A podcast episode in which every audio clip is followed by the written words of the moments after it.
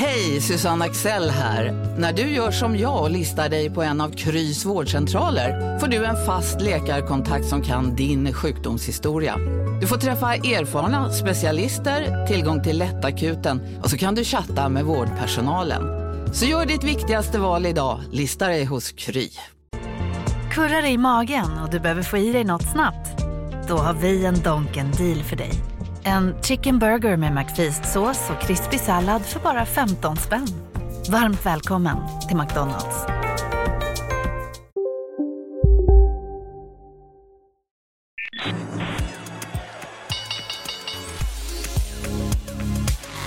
Det här är Marknaden med Helene Rothstein. Det är fredag, eh, det är marknaden, idag med mig, Jakob Bursell. Och vilken otrolig vecka vi har bakom oss. Det är bankruns och börsras och räntekaos och inflations och räntebesked och allt på en och samma gång. Och som vanligt ska vi dyka ner i det här tillsammans med ett par gäster. Och med mig idag har jag Karin Haraldsson, ränteförvaltare på Landebo. Och Mikael Gran som är chef, chefsekonom på Danske Bank. Välkomna. Tjena. Tack. Hörni, hur har den här veckan varit, Mikael? Eh, ja, den har varit turbulent kan man väl säga. Ja. Minst sagt. Jag har sett eh, ränterörelser som, eh, som vi inte har skådat tidigare. Mm. Det är väl ett sätt att uttrycka det på. Karin, hur har du upplevt den här veckan? Eh, ja, men stökig även på företagsobligationsmarknaden har det varit. Stök. Precis. Eh, vi ska ju som vanligt hålla oss till tre ämnen här då, vilket är lite utmanande eh, en sån här vecka.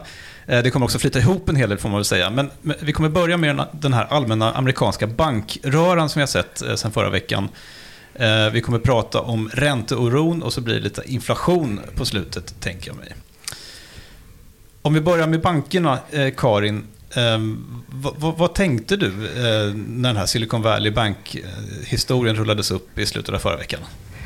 Ja, men jag tänkte väl, hur kan det här hända eh, egentligen? Mikael?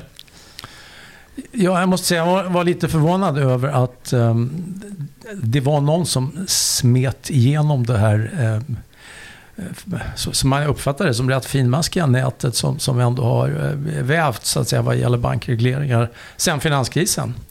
Eh, Så att det, det var lite märkligt men uppenbarligen så har de ju olika typer av lagstiftning. En federal och sen är det några, kanske mindre banker som är reglerade på, på liksom regional nivå. Och eh, Mm. där verkar det ha brustit.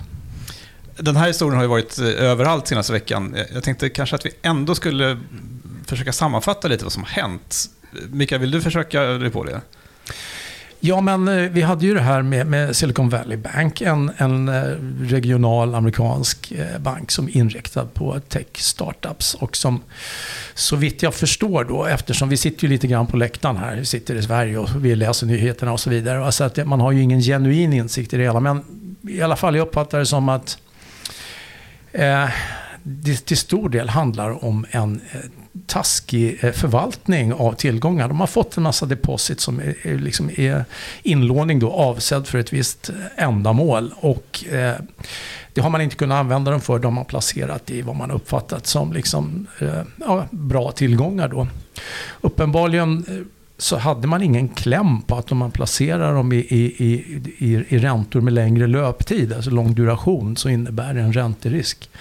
Eh, nu vet jag inte exakt hur deras portfölj har sett ut, men uppenbarligen är det ju så att när räntorna har stuckit upp under förra året så har, har de här tillgångarna tappat i värde och det är det som har förorsakat då eh, många, så vitt jag förstår eh, så är det ju många som har insett det här, eller man har sett liksom i rapporterna redan under fjärde kvartalet att det har varit lite grann hål i balansräkningen där. Mm. Så att det är ju konstigt att man egentligen att man inte reagerade ännu tidigare. Men, men det var på något sätt så jag uppfattat att, att man har liksom börjat eh, nysta i det där och, och till slut då någonstans så, så brast det väl helt enkelt att folk började flytta ut sina pengar. Och det gick fort också. Ja, väldigt fort som jag som jag uppfattade. Det dök upp liksom, eh, ja, som en blixt från klar himmel nästan. Va? För jag tycker inte, jag kan inte påminna mig att jag har hört någonting om att det skulle vara någonting sådär på gång. Utan det kom rätt snabbt. Hade du hört nå- någonting om den här banken innan det här inträffade? Nej, faktiskt ingenting. Men sen har man ändå förstått att det finns ju flera svenska bolag som har haft deposits där, som är verksamma i det området. Så att eh, helt plötsligt så, ja, så förstår man att ja, men det finns exponering här också. Mm. Sådana klassiska bankruns som man har kanske sett på TV, det, det, det, kan ju ta flera dagar. I det här fallet så tog ju bankens pengar slut på eh, några timmar.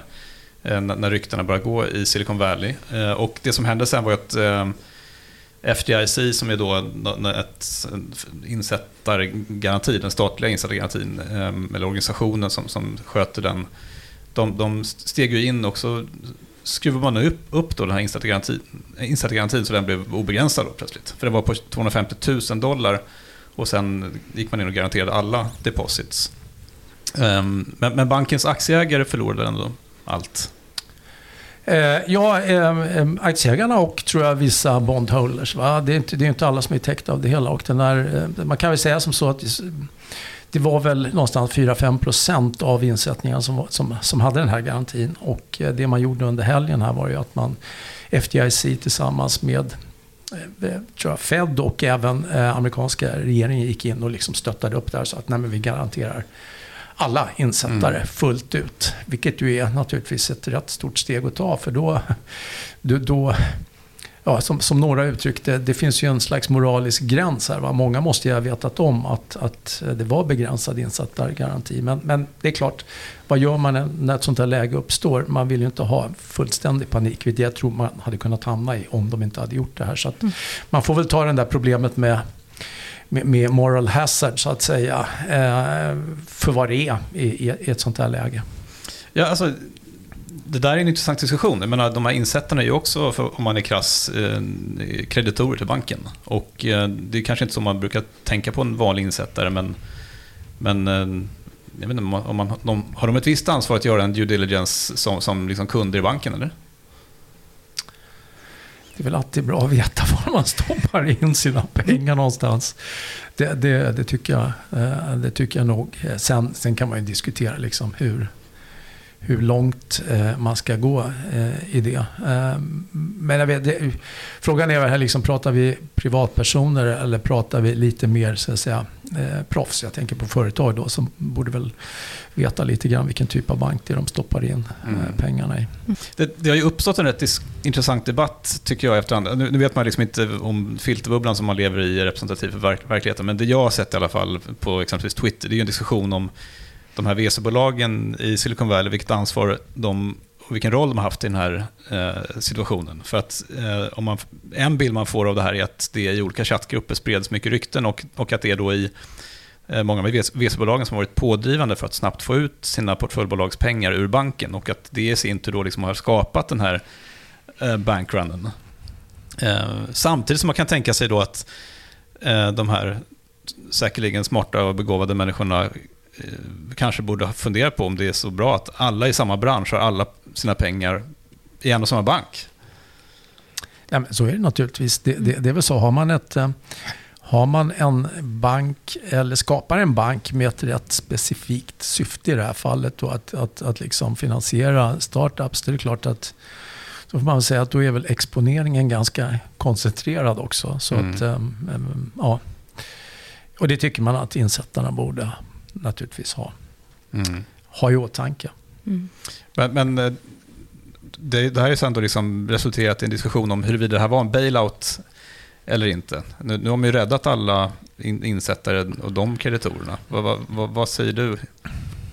Nej, men det, det, det, det är det väl. Eh, så att säga, breddar man eh, de här bankgarantin då som man gjorde så är det ju får man väl säga att det är en bailout då i den meningen. Men, men eh, det är klart att eh, det är väl fortfarande så att eh, aktieägare och, och andra investerare, de, de tappar ju sina pengar. Mm. Och i den meningen är det väl kanske någonting som påminner om en bail-in då istället. Men, men ja. Det är, väl, det är väl bra att det händer i den här mindre skalan så att man, man ser liksom att nu vet jag inte vilken utsträckning det här beror på att man rullade tillbaka en del regleringar som man har gjort de senaste åren. Eh, jag kan inte det så bra men, men eh, återigen, det, det, man märker ju att det här med att se till att eh, den finansiella stabiliteten verkligen finns där, det är ju superviktigt. Jag mm. menar, vi ska prata inflation sen och som alla vet så liksom, just nu går de här lite grann emot varandra. Men, men eh, som jag ser det så är ju det här eh, finansiell stabilitet är en plattform vi, liksom, vi står och, och faller med. Så att, eh, i den meningen så är det här ett mycket, mycket mer allvarligt problem. Mm. Den här oron som spred sig, den, den, den riktade ju snart sökljuset på andra banker i USA. Eh, jag tänkte vi ska komma dit snart, men hur var det i, i, i det svenska perspektivet? Tog man någon, någon oro kring svenska banker eller institutioner kopplat till det här? Ehm, självklart så sprider, liksom så, sprider det över sig på, på svenska banker också, på marknaden, och det blir ju stökigt. På obligationsmarknaden har vi ju sett det.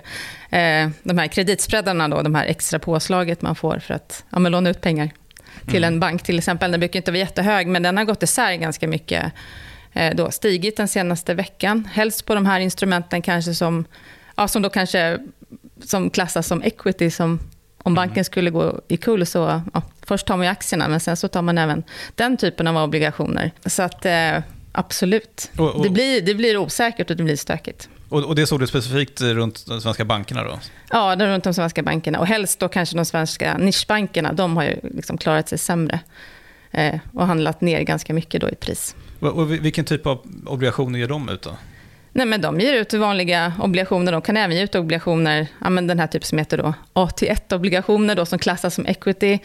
Eh, som eh, ja, man kan förlora helt då om banken ja, om det kommer på obestånd, så att säga.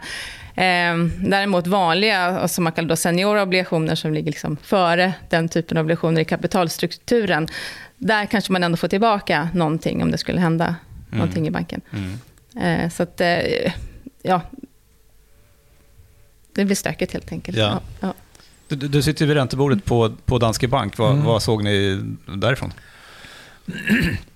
Nej, men alltså, jag, jag, jag tror att eh, det, det, är alltid så att man, man eh, försöker ju dra någon slags eh, inferens. Kan det här smitta liksom, svenska, eh, svenska banker? Och det gör ju det i marknadstermer, eh, precis som, som du berättade. Men, men eh, jag tror att det, jag tycker det är rätt svårt annars att göra eh, dra stora paralleller. Vi är ju liksom, eh, svenska bank systemet är ju väl omgärdat av diverse olika skyddsnät. Liksom. Vi har kapitalbuffertar som Finansinspektionen sitter och vrider på. Vi, vi har ju resolutionsavgifter har ju bankerna betalat i massa, massa år nu för att man ska ha just liksom finansiera sådana här kriser. Och vi har en bankskatt och vi har likviditetsregler och sånt där på, på, på liksom hur mycket som måste finnas och vilken typ av eh, liksom kvalitet det ska vara på tillgångarna. Och sånt där. Så att jag tycker det, vi är försedda i Sverige med både hängslen och livrem så vitt jag kan, eh, eh, kan, kan förstå det hela. Men, men det är klart att det finns ju exponering. Vi såg ju Alecta. Men, mm. men det kan man väl mer betrakta som okej, okay, de hade otur, det var en taskig, det var en taskig placering. Liksom, och eh, det ruckar ju inte det bolaget. De har ju, det här är ju bara en, ja, en väldigt, väldigt ytterligt liten del av deras tillgångsmassa. Så att jag tror inte det är något problem. Men det var en taskig trade. Men, men, ja. det ser ju ganska konstigt ut utifrån. Vi säljer Handelsbanken. Och ja, det, det, det, gör det så efteråt. Ja, det är klart, så hade den lyckats så hade man väl sagt ja. bra. Det har varit kanon. Eh, men, men sen är frågan också om, om det här med Silicon Valley Bank var, var ett, ett resultat av, av dåliga regleringar eller bara dålig, dålig riskhantering. Jag menar, och är det det senare det handlar om? Nej, men det, är väl, det är väl lite eh, båda sakerna. Va? För att jag tror att hade de varit under luppen på samma sätt som kanske större banker, då hade nog inte det där eh, tillåtits inträffa, för då hade man nog haft lite bättre koll på det här. Eh, sen kan man ju tycka att det är rätt märkligt att de en bank då kanske inte sitter på den kompetensen som jag uppfattar det. Som, som sagt, återigen, vi sitter ju lite på läktaren här så man kan ju bara spekulera. Men det känns ju konstigt liksom att inte vara medveten att de räntorna sticker upp som de har gjort i USA nu under, under det senaste året här på, på ett sätt som vi inte har sett. Jag menar, får vi gå tillbaka decennier i tiden liksom, om, om det ens har inträffat tidigare liksom, i modern historia. Och, och, det är klart, har du en, låt säga att du bara har en portfölj med, med, med liksom 10 års eh, duration. Ja, går räntan upp 1% så tappar du 10%. Eh, och, och den har gått upp mer än 1% förra mm. året. Va? Så att det är lätt rätt, lätt rätt att, att inse att um, det, det, det, de har tappat en del pengar mm. på det där. En, en obskyr men, men ändå viktig detalj här verkar ha varit att, att um, de här tillgångarna som, som Silicon Valley Bank investerade i eh, alltså långfristiga obligationer, de, de, de hölls i någon tillgångsklass som man kallade för, för held to maturity. Alltså man, man, man, kunde hålla dem under hela löptiden utan att eh, bokföra värdeförändringarna. Och det är så att, om jag förstår saken rätt, det är så det här liksom hålet uppstått lite eh, i smyg då. När man, när man väl tvingas sälja de här obligationerna för att eh, möta insättarnas krav så måste man liksom visa de här förlusterna som man har på, eh, på grund av ränteuppgångarna. Alltså, fin, mm. Finns det här inslaget i svenska eller europeiska banker också, den redovisningsregeln? Vet ni det?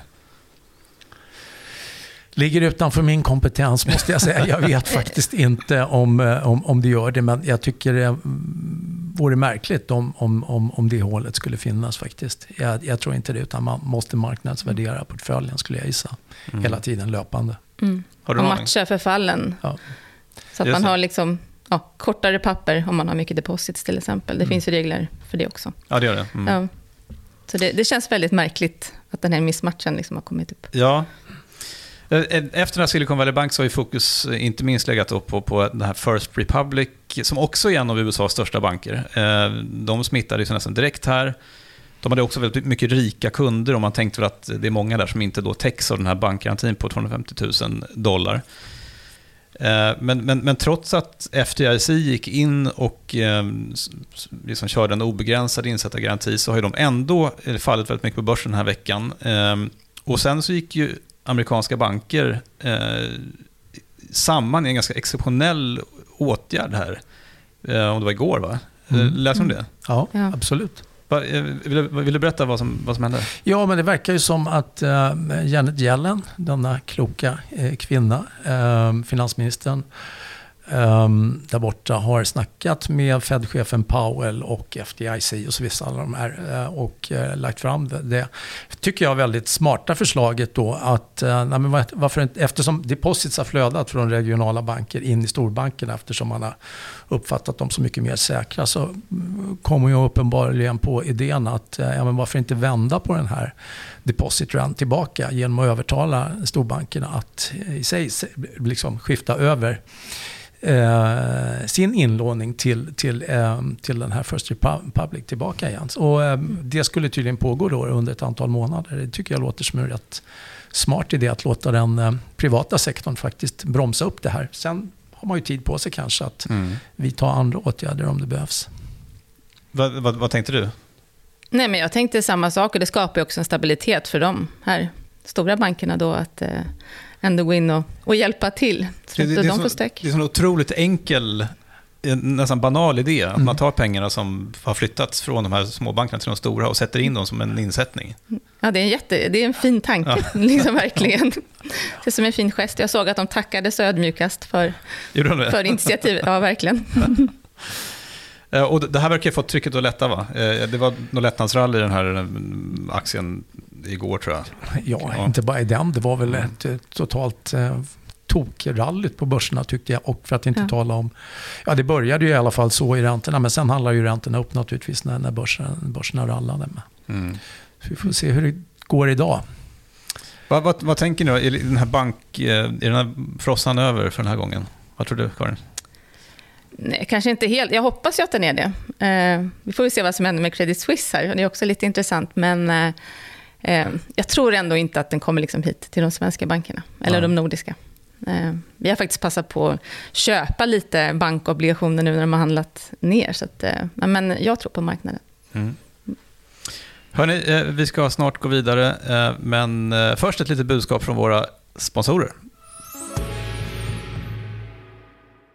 Marknaden sponsras av SPP och Storebrand Asset Management. Eh, Storebrand och SPP hör ju ihop sedan många år och utan att gå in på detaljerna här och nu så kan jag i alla fall säga att Storebrand förvaltar över 1200 miljarder kronor, bland annat åt just SPP.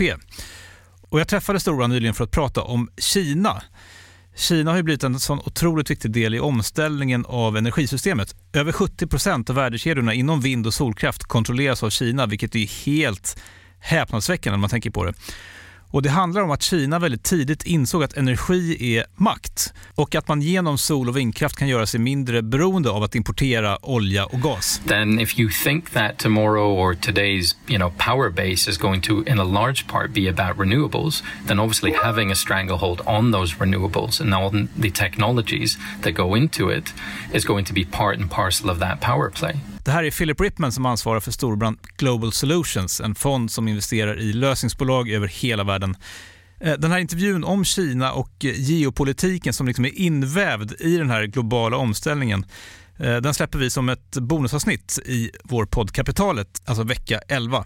Mer information om Storbrand Asset Management det kommer vi få i kommande avsnitt, men man hittar mer info förstås på storebrand.se. Men tack säger jag till Storbrand Asset Management. Hörrni, man brukar säga att de smartaste pengarna finns i obligationsmarknaden. Karin, du håller väl med om det? Ja, absolut, jag är det. Ja. ja. Eh, samtidigt som, som allt det här andra pågick så fick vi se enorma rörelser i, i räntemarknaden. Rörelser som så vitt jag förstår man inte sett sedan finanskrisen eller ens innan dess. Vad, vad, vad, vad såg du? Nej, men väldigt, väldigt eh, länge sedan i alla fall. Nej, men om man ser intradag av att en tvåårsränta då på grund av vad, liksom, vad, vad, vad, man har för uppfattning om vad centralbankerna ska göra rör på sig med, med, med 50 punkter, räntepunkter liksom intradag. Det, det ser man inte ofta och jag menar tioårsräntan gick ju 30 punkter. Så att det är också rätt, eh, rätt sällsynt. Och, men vad, vad, vad, det säger mig inte så mycket. Vad, hur, hur stor är den rörelsen? Ja, men eh, eh, jag säga att normalt sett så brukar ju liksom en, en ränterörelse under en dag kanske ligga på en fem punkter, tio punkter rätt mycket. Så att ehm, det är ju liksom fem gånger det normala om man säger så. Om man ska hitta på någonting att jämföra med. Mm. Mm. Så att, um... Syntes det här också i, i företagsobligationsvärlden? Eller? Ja, lite grann. Såklart, vi påverkas också av liksom den grundläggande räntan. Så att, eh, priset på obligationer har ju gått upp och ner under, mm. under dagen, men visst såg vi det. Eh, och det är väldigt ovanligt att räntan först går upp jättemycket och sen faller tillbaka med lika mycket, precis som du sa tidigare. Men, men, men är det här liksom ser man bara begränsade effekter av det här på, på företagsobligationerna? Eller är det här något som mer var, liksom rörde sig liksom på att det var statsobligationer och treasuries och sånt där som, som, som rörde sig så mycket? Nej, men det spiller självklart över. Då. Banksektorn är väldigt stor och fastighetssektorn är jättestor på svensk företagsobligationsmarknad. Så där fick vi se stora effekter. Eh, de har ju handlat liksom ner i pris då väldigt mycket. Så det är väl där man har sett liksom den, största, den största effekten. Mm. Mm de här rörelserna i sig har ju fått eh, en del folk, och med folk så tänker jag då på de som jag följer, typ sociala medier, att, att fundera på hur, hur finanssystemet mår. Men kan man dra några slutsatser av de här rörelserna, eller är det bara... Nej, men jag, jag, jag tror att... Eh, det är ju naturligtvis så när, när räntan stiger så mycket som den har gjort nu under det senaste året, så då, då och det finns många då, det här med, med, Silicon Valley Bank var ju en, va? men om, om ni tänker på centralbankerna till exempel, där är det ju många som har varit ute och köpt obligationer under många år för att pressa ner räntorna då när man tyckte inflationen var låg. Um, de har ju köpt väldigt låg yield och nu har räntan bara brakat upp här, eh, som jag sa tidigare, under, under, under ett års tid. Och det innebär att du, du, du har ju köpt någonting väldigt, väldigt dyrt. Mm. Och sen har det stigit och nu har du tappat liksom enorma marknadsvärden på det här. Det, det, det här. Eh, jag vet inte om ni eh, har noterat det, men vi har haft en diskussion om att Riksbanken här hemma, just av det här skälet, kommer att göra en, hela deras egna equity utraderat här. Och eh, de måste antagligen gå och liksom be, be om pengar från, från eh, från regeringen, eller regeringen, det är naturligtvis regeringen som beslutar, riksdagen som beslutar om mm. det här. Men man måste låna upp pengar helt enkelt för att återkapitalisera de här. Det är ju bara ett exempel, för jag tror det ser ut på det här sättet lite grann runt om eh, i systemet. Om man inte har då liksom riktigt koll på det här med, med liksom hur, hur liksom matcha duration mot, mot, eh, eh, mot sina skulder och så vidare. I, så, så, så det gäller ju att ha en riktigt bra liksom management mellan, mellan skulder och, och tillgångar. Här. Så att, eh, ja, det, det, det, det, har varit en väldigt volatil värld och jag tror att eh, det är klart att det sätter säkert sina spår i, i finansiella stabiliteten. Men, Mm. men jag måste säga att jag är inte så orolig för att vi är på väg in i någonting som liknar 2008-2009 just därför att eh, hela banksystemet är mycket mer reglerat. Man, man vet ju om de här riskerna. Va? Men det är klart att någonstans skaver det väl. I slutändan var det så att, att det var mycket rörelser, men, men, men eh, det var väl ändå så att räntorna eh, föll väldigt mycket när, när vi vant oss nu vid en tid att de faktiskt går upp. Och, och det fick ju folk att spekulera i att liksom, centralbankerna kommer behöva lugna sig med räntehöjningarna nu för att man håller på att liksom, eh, knäcka det här systemet. Va, va, va, vad tror du om det? Ja, nej, men det, det, titt- tittar vi på prissättningen i, i marknaderna nu så, så um, senaste tiden här så har man ju just på, ja, nu när liksom den här bankproblematiken börjar segla upp här så, så har man ju prissatt bort väldigt mycket um, eh, räntehöjningar både från eh, Fed och eh, ECB för den delen. En del även på, på, på Riksbanken på hemmaplan här. Men, men jag tror att nu, ehm, ja för nästa, eh, Fed har ju möte nästa vecka och nu är det bara en knapp 25-punktare eh, kvar där. Som, som man tror då att de Ja, ska som man tror att, att de kommer att höja. Ehm, Och tidigare var det och- hur mycket? 50 Ja, men sen, tidigare pratade vi ju kanske att de skulle höja till eh, 5,50. Va? Så att det var ju betydligt mer in, in, inprisat då. Ehm, eh, som sagt, vi behöver inte backa så många veckor förrän vi hade det läget. Så att det har slagit om rätt, rätt rejält här då. Och det är likadant med E- ECB faktiskt. Mm. Där är vi prissatt ungefär två höjningar. En, en nästa möte då i maj och sen, ja, mm, sen får man samla ihop räntepunkterna där. Men säga att det är ytterligare en, en, en höjning prissatt till i september. Så, och, och, och det var ju betydligt mer bara för, för några veckor sedan. Va? Så att, Mm. eh, den här bankturbulensen och oron för att vi går in i en liksom, ja, lågkonjunktur också så där, har ju tydligt satt sina spår liksom, i, i, i prissättningen där. Det blir någon slags ordkrig här, eh, tycker jag, senaste veckan. Eh, en del pekar finger liksom, mot centralbankerna och tycker att det är deras fel att hela den här situationen uppstod, att man har höjt räntorna för fort. Och, och- sen när allt rasar så, så, så går räntan ner. Och då undrar man, så här, är, är det, har centralbankerna då målat in sig ett hörn här där man, liksom, man kan inte höja för då pajar alltihopa. Och, eh, men, men höjer man inte, då är man fast med den här inflationen. Eller? Mm, Ja, men jag tror, men som ECB gjorde nu, jag tror man måste höja. Vi har ju jätteinflation. Vi vill ju inte sitta med jätteinflation och ja, Nej. låga räntor. Det blir inget bra. Man får, man får liksom välja vilken medicin man vill ta kanske. Då. Lite så. Ja, alltså så är det nog. Men sen, sen tror jag att det är så här att ehm, är, är man från centralbankernas håll väldigt övertygad om att man har hanterat bankkrisen, bankproblemen, att de blåser över. Då är ju fokus självklart på, på den höga inflationen. Eh, men sen är det ju det där lilla problemet bara. Är den verkligen borta, bankkriserna? För, för att skulle det vara så att det nu eh, visar sig att oj, nej, men det finns olika exponeringar här och, och det, oj, nu, nu kommer det ut någon annan europeisk eller någon större amerikansk bank här som visar sig också ha problem. Då är det ju så att då kan de glömma det där med inflationen för det är liksom det åker ner i prioritet. Visst, inflation är jävligt för det ur, ur, urholkar liksom köpkraften hos, eh, hos konsumenter och så vidare får hela ekonomin att vika ner sig. Men jämfört med en eh, finansiell stabilitet, en finanskris, så är det ingenting. Utan då kommer ju det åka upp på första platsen så det tjongar. Så, så skulle jag säga. Så hellre inflation än finanskris. Nej, men jag menar finanskris, det, det handlar ju om blodomloppet i hela ekonomin. Liksom, så att det, det är skillnad på de här båda grejerna.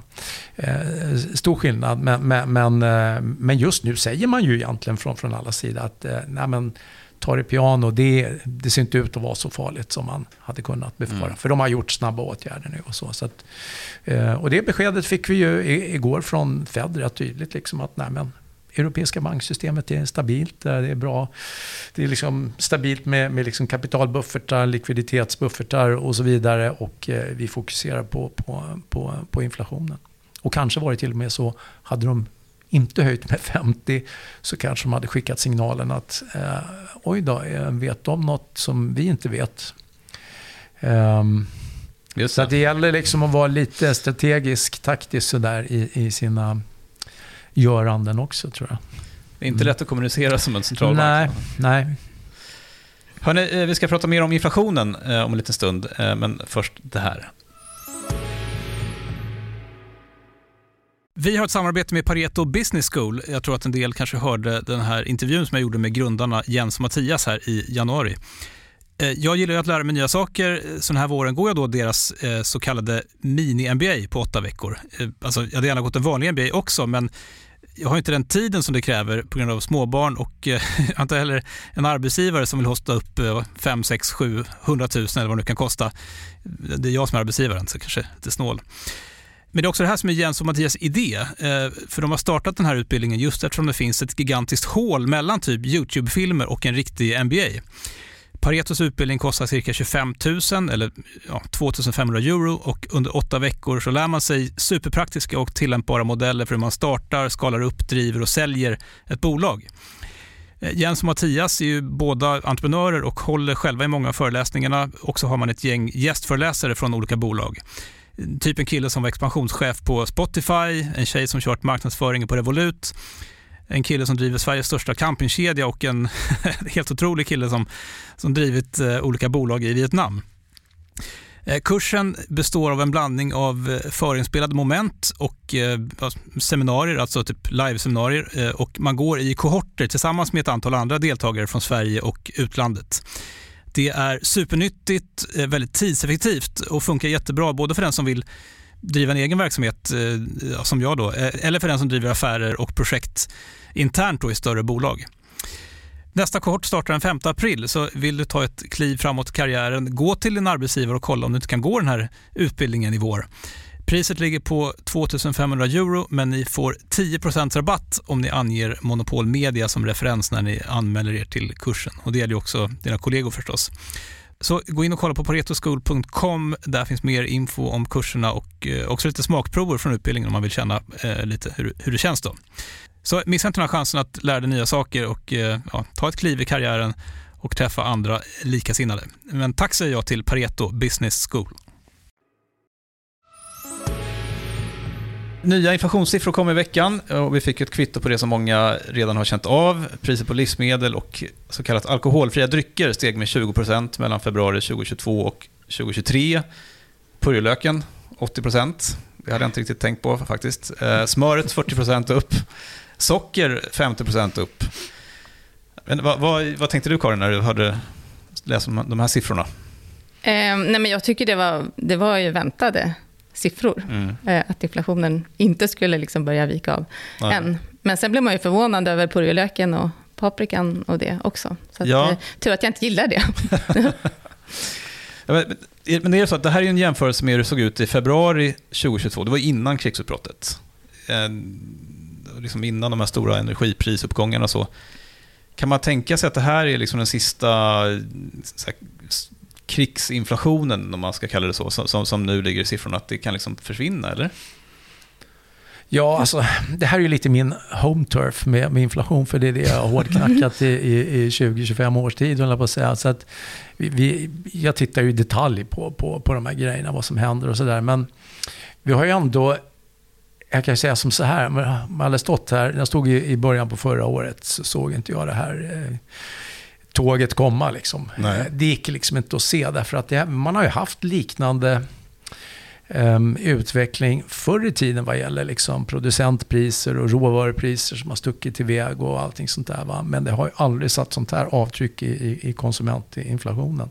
Så jag tror att det handlar ju väldigt mycket om, om just det du är inne på. Liksom att det är dels en, en krigseffekt, men sen tror jag det är väldigt stor effekt också av det här pandemin. Liksom att, um, det gick inte att få tag på eh, insatsprylar till industrin och sådär. Man slogs om att få tag på sina komponenter som man behövde till, till de grejer man producerar fungerar. Och, eh, sen var det ju så också att oj, containerfraktraterna gick från 1000 dollar containern till 10 000 eller 12 000. Så transporterna blir ju dyrare också. Så det var mm. en hel eh, liksom, massa grejer som, som men då liksom pur, purjolök, det är liksom ingen lång leveranskedja från Kina. Det växer nej, liksom här Nej, precis. Men då var ju den här krigsgrejen istället då, då eh, tror jag, med, med vetepriser och vad det nu är. Mm. De är ju stora producenter de där. Så att, eh, och sen har vi haft eh, elektriciteten. Vi har ju sett mm. många liksom, småföretagare som har sagt, ja men vi brukar odla liksom, eh, gurkor och tomater vad det nu är, är söderut. Men elen är fem eller tio gånger dyrare än vad den brukar vara. Så det är bara att stänga ner verksamheten. Liksom och så. Mm. så det tror jag gäller väldigt mycket sånt vad, vad gäller just eh, matpriserna. Men, men det är ju mycket mer bredbaserat än, än bara purjolöken och, mm. och det där. Va? Utan, men, men det är ändå svårt att förstå tycker jag. Men, nu vet jag väldigt lite om, om, om sockerproduktion och purjolöksproduktion, men, men man, man, får kostnadsökningar i produktionen såklart, i energi och, och frakt och sånt, men liksom 50% upp, låter det bara spontant som rätt mycket på socker? Jo, absolut. Eh, men sen ser man ju liksom kostnaderna i företagen har ju faktiskt börjat komma ner när man analyserar dem lite närmre. Men det finns ju alltid en lagg ut till konsument. Mm. Så att det är mycket, fraktpriserna har kommit ner otroligt mycket. Även mycket insatsvaror. Så, att, eh, men det, så det, det kommer nog, men det blir ju alltid en liten lagg. För att, för att det, är liksom det avtal som har skrivits långt tidigare och nu ser man effekterna av dem och sen så skrivs det nya avtal och då är priserna kanske ner då, eller vad, vad, vad, tänker ni? Ja, precis. Och sen så tar det ju tid innan man tillverkar en vara och den liksom kommer ut eh, till konsumenten. Så att, eh, mm. mm. det finns alltid en tidslagg där. Men, men kommer man få se då, om man tänker att eh, ganska snart efter krigsutbrottet så, så, så var ju energipriserna eh, jättehöga. Så att om vi kommer in nu i, i mars, april, maj, kan man då vänta sig att de här årliga prisuppgångarna kommer kunna avta?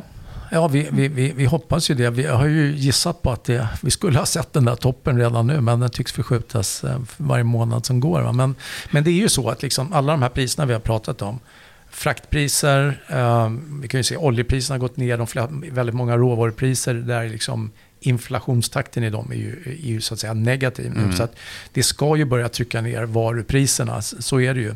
Det lilla kruxet som återstår det är väl det här med tjänsteinflationen då. då för att där är det ju liksom andra grejer som, som driver den. Bland annat, och man kan ju tänka lokalhyror och sånt där som slår rätt brett i inflationen.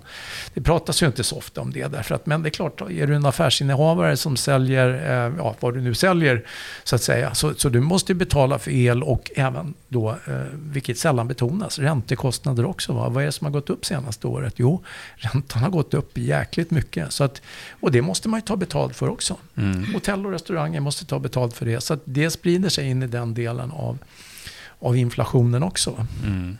Så att jag skulle, det, det, är så här, ja, Riksbanken stramar åt, eller centralbankerna stramar åt och försöker dämpa efterfrågan den vägen. Men just det här att räntan stiger trycker ju faktiskt upp inflationen. Det brukar inte betonas ofta, men, men så är det. Det som en själv, självuppfyllande Ja, det blir, lite, det blir lite grann åt det hållet faktiskt. Men tjänst, vilka andra typer av tjänster kan man tänka sig skulle påverkas av inflationen? Nej men alltså, eh, alltså det finns massa olika, jag menar du vet, det som räknas i tjänstekorgen, det, ibland räknar man ju in bostadsposten där, men, men tjänster vid sidan av, det är ju, eh, jag menar, det är ju transporter och det är ju eh, när vi åker på semester och, mm. och, och går till frisören och, och, och sådana prylar. Det är liksom i, i, i tjänste, tjänstekorgen där. Men, men, men det är ju så att rent globalt så ser man ju inte riktigt att det viker ner än. Och jag skulle vilja hävda att Visst, vi ligger i toppen i Sverige vad, vad gäller liksom underliggande inflation. Tyvärr, vi sticker ju faktiskt ut på uppsidan jämfört med nordiska, eh, våra nordiska grannar eller om vi jämför med Europa och sånt där. Um, men annars är det ju här till stor del ett, ett globalt fenomen. Det är ju inte så liksom att inflationen är hög i Sverige, ingen annanstans, utan den är ju, den är ju hög överallt. Det är bara det att någon måste ju leda, leda det här och tyvärr gör vi det här i Sverige. Mm. Vi har också haft en ganska svag krona, så vi har ändå importerat lite mm. inflation från utlandet också. Mm. Ja, hur, hur, stark är den effekten? Ja, men det är klart den påverkar. Vi importerar ju mycket varor. Mm. Så det slår ju direkt på priset då. Mm. De, de här siffrorna i veckan fick ju många att börja prata om konkurrensen på, på, på livsmedelsmarknaden. Uh, jag får mig att jag såg jämförelse med Norge, där de här priserna inte har gått upp alls lika mycket. Mm. Och så pekar man typ på ICA som har en marknadsandel på 50 procent. Eh, jag menar, är, är det här, ser ni det här som... Är det här ett problem eller? Alltså jag tycker nog att det, det, det, är ett problem. Jag brukar göra just den jämförelsen. Jag, jag, jag tillhör inte de som tror så mycket på den där valutaeffekten. Därför att det, Alltså det är klart att den finns där. Försvagas valutan så, så om den är liksom bestående så måste man ta betalt för det. Men, men jag tycker att jämför man med, med eh, no, rörelsen i norska valutan mot euron till exempel. Alltså, den har ju tydligt försvagats. I år har inte liksom vår valuta haft någon större liksom, rörelse. Ehm, jag tror mer att det faktiskt handlar om att om du rensar importpriserna för valutaeffekten så kan man se att det är den komponenten, alltså de rena importpriserna egentligen, det, det, det är de som har stuckit iväg. Va? Nu ska jag inte sätta huvudet i pant på att det gäller just för, för, för livsmedelsgrejerna, men, men rent generellt för varor tror jag att det, det är så. Sen, ja, det är precis som du säger. Om en spelare har 50% av marknaden, mm. hur stark är konkurrensen då? Vad, vad tänker du Karin? Nej, men jag tänker samma sak. Om jag hade varit ICA-handlare, jag hade ju inte heller varit jättesugen på att hålla på och sänka priserna. Nej. Heller. Och sen så är ju grossistledet, där är också eh, något slags oligopol, så att såklart att priserna därifrån också är höga. Men, men, du, men du, du, tittar ju på bolag, ska man ju understryka. Märker man någonting av hur marginalerna på de här livsmedelsföretagen utvecklas? Nej, inte direkt. Inte på obligationsmarknaden. Men, I alla fall. De, har, de går alltid bra, så att eh, marginalerna där är alltid starka oftast. Så att, eh, nej, inte så speciellt mycket. Men, men, men det, det, är kostnadsökningar som bara förs vidare rätt till, till eh, konsumenterna? För annars, annars ja. finns det ju massor med teorier om att, då, att, att folk passar på att höja priserna för att det är ett bra läge och då kanske inte märks så mycket. Ja, men så kan det ju vara. Ja. ja.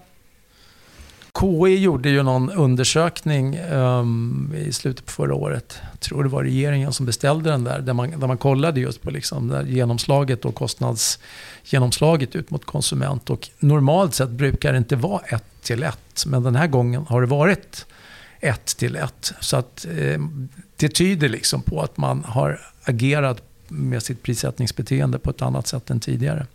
Hur då menar du? Nej, men att, att man, man, man, tidigare kanske varit så att det har varit så pressat. Jag liksom, eh, när det har varit låg inflation har läget mer varit att man faktiskt måste konkurrera liksom på ett annat sätt. Men nu har det varit lite grann kanske, oj nu har, eh, nu, nu, nu har det trycket lättat så att säga. Det blivit eh, enklare. Jag ska inte säga att man, man, man eh, försöker liksom trycka ut allt på konsumenten. Men jag tror i alla fall det trycket har lättat. Och att man, vi har ju sett i, i Riksbankens undersökning som de gjorde under hösten att det, det var ju många där som eh, uppenbarligen då, som sa att man ja, passar på lite grann i alla fall och, och höja lite mer än vad kostnaderna har varit. Mm. Uh, men, men vi får ju se. Jag, jag ändå, även om jag tror att på kort sikt så kommer det, så kommer det vara rätt liksom, man, man får nog bita sig i tungan här. För jag, jag, jag, tror att inflationen kommer antagligen fortsätta överraska på uppsidan någon månad eller två till kanske.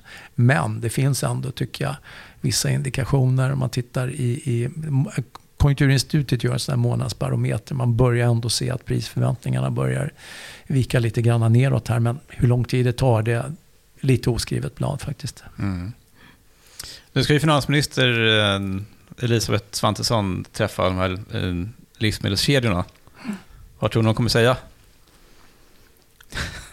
ja. att de har haft helt normala prisökningar, mm. tror jag. Och att de även börjat sänka priset på vissa varor. Mm. Jag vet inte om den här undersökningen kommer leda till så mycket faktiskt. Nej, man är svårt att, att tro det. Vad, vad, vad, vad, tänker du om det? Är, är det bara liksom, eh, spel för gallerierna? Eller, politiskt vill man ju inte lägga sig i det här. Nej, men alltså jag, jag, tror väl som sagt, jag, ty, jag, tycker det är bra ändå att man sätter eh, luppen på en marknad där det är så pass, vad ska vi säga, där det är så pass få spelare.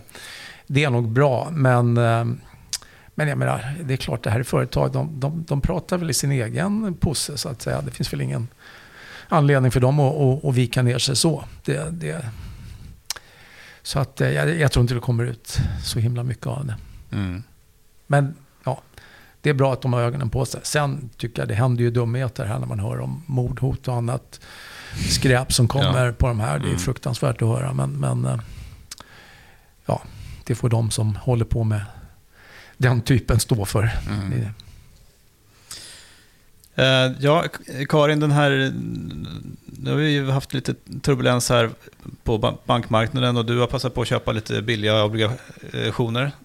Ja. Va, ja, vad tror du kommer hända nu kommande dagarna och veckorna? Nej, men jag tror väl att det kommer eh, att lugna ner sig faktiskt. Mm. Eh, det hoppas jag. Ja. ja. Hörni, vi ska avrunda, eh, men först ska vi faktiskt ställa ett par frågor till Helene Rothstein som har kommit in i studion. Eh, du har ju fått ledigt idag eh, för att du jobbar på något lite speciellt som kommer nästa vecka. Ja, ja, och stort tack för att du hoppade in här som så eminent som gäst. vikarie. Ja, men berätta, du har varit uppe, du har rest lite och träffat eh, Staffan Persson, eh, investeraren, eh, som numera huserar i Piteå av alla ställen. Ja, eh, han bor ju i Stockholm, men han har köpt Piteå stadshotell. Och då tänkte jag, varför han köpte det här hotellet och vad händer annars i Piteå? Så eh, då var jag med honom ett eh, dygn nästan och eh, dels kollade på hotellet och dels så kollar vi på två andra företag som han, onoterade företag som han har investerat i då via Svedia Capital som han är vd för, som han driver tillsammans med sin son Fredrik som är investeringsansvarig. Just det. Och kan vi säga något kort om, om Staffan Persson så att man kan liksom förstå vem, vem, vem han är och varför han är med i, i marknaden nästa vecka? Ja, men det som jag tycker är väldigt intressant är att han investerar bara egna pengar, eller familjens egna pengar numera. Han har investerat i andra konstellationer tidigare. Vi kommer prata lite om det, varför han inte gör det längre. Men eh, det som också är intressant är att han eh, inte har gjort några investeringar på väldigt lång tid. Han sitter med väldigt stor kassa. Mm. Och varför gör han det? Intressant. Ja. Bra, och det här kommer som ett långt klassiskt eh, Helene Rothstein-reportage nästa vecka. Ja. Jag, jag tror jag stå, slår rekord, men jag har tänkt på Erik Niva, sportjournalisten. Han kan ju ibland göra så här reportage. Här är en match mellan Boca, Boca Juniors och River Plate eh, som är så här tre timmar. Och eh, då tänker jag att ibland så kan man göra intervjuer, eller som jag brukar säga, näringslivsporträtt, Ja. som får lov att bre ut sig lite grann. Ja. Underbart. Eh, Det ser vi fram emot. Det kommer på måndag, eller hur? Yes, jag sitter och klipper just nu. Ja, jättebra. Hörrni, eh, marknaden är slut för idag. Eh, Vi säger tack till Karin Haraldsson på Landebo Fonder, där du förvaltar företagsobligationsfonder. Eh, Och tack till dig, Mikael Gran, chefsekonom på Danske Bank. Kul att ni kom hit. Tack. Tack. Bra. Marknaden är alltså tillbaka efter helgen och nu vet vi precis vad det kommer handla om. Vill ni lyssna på fler poddar i helgen så kolla in vår andra podd Kapitalet där det nu finns många nya avsnitt om den här ekonomiska utvecklingen 2023 och inflation och räntor och allt det där. Eh, vi finns på Twitter såklart, följ oss gärna där. Men stort tack för att ni lyssnade. Eh, trevlig helg. Hej då.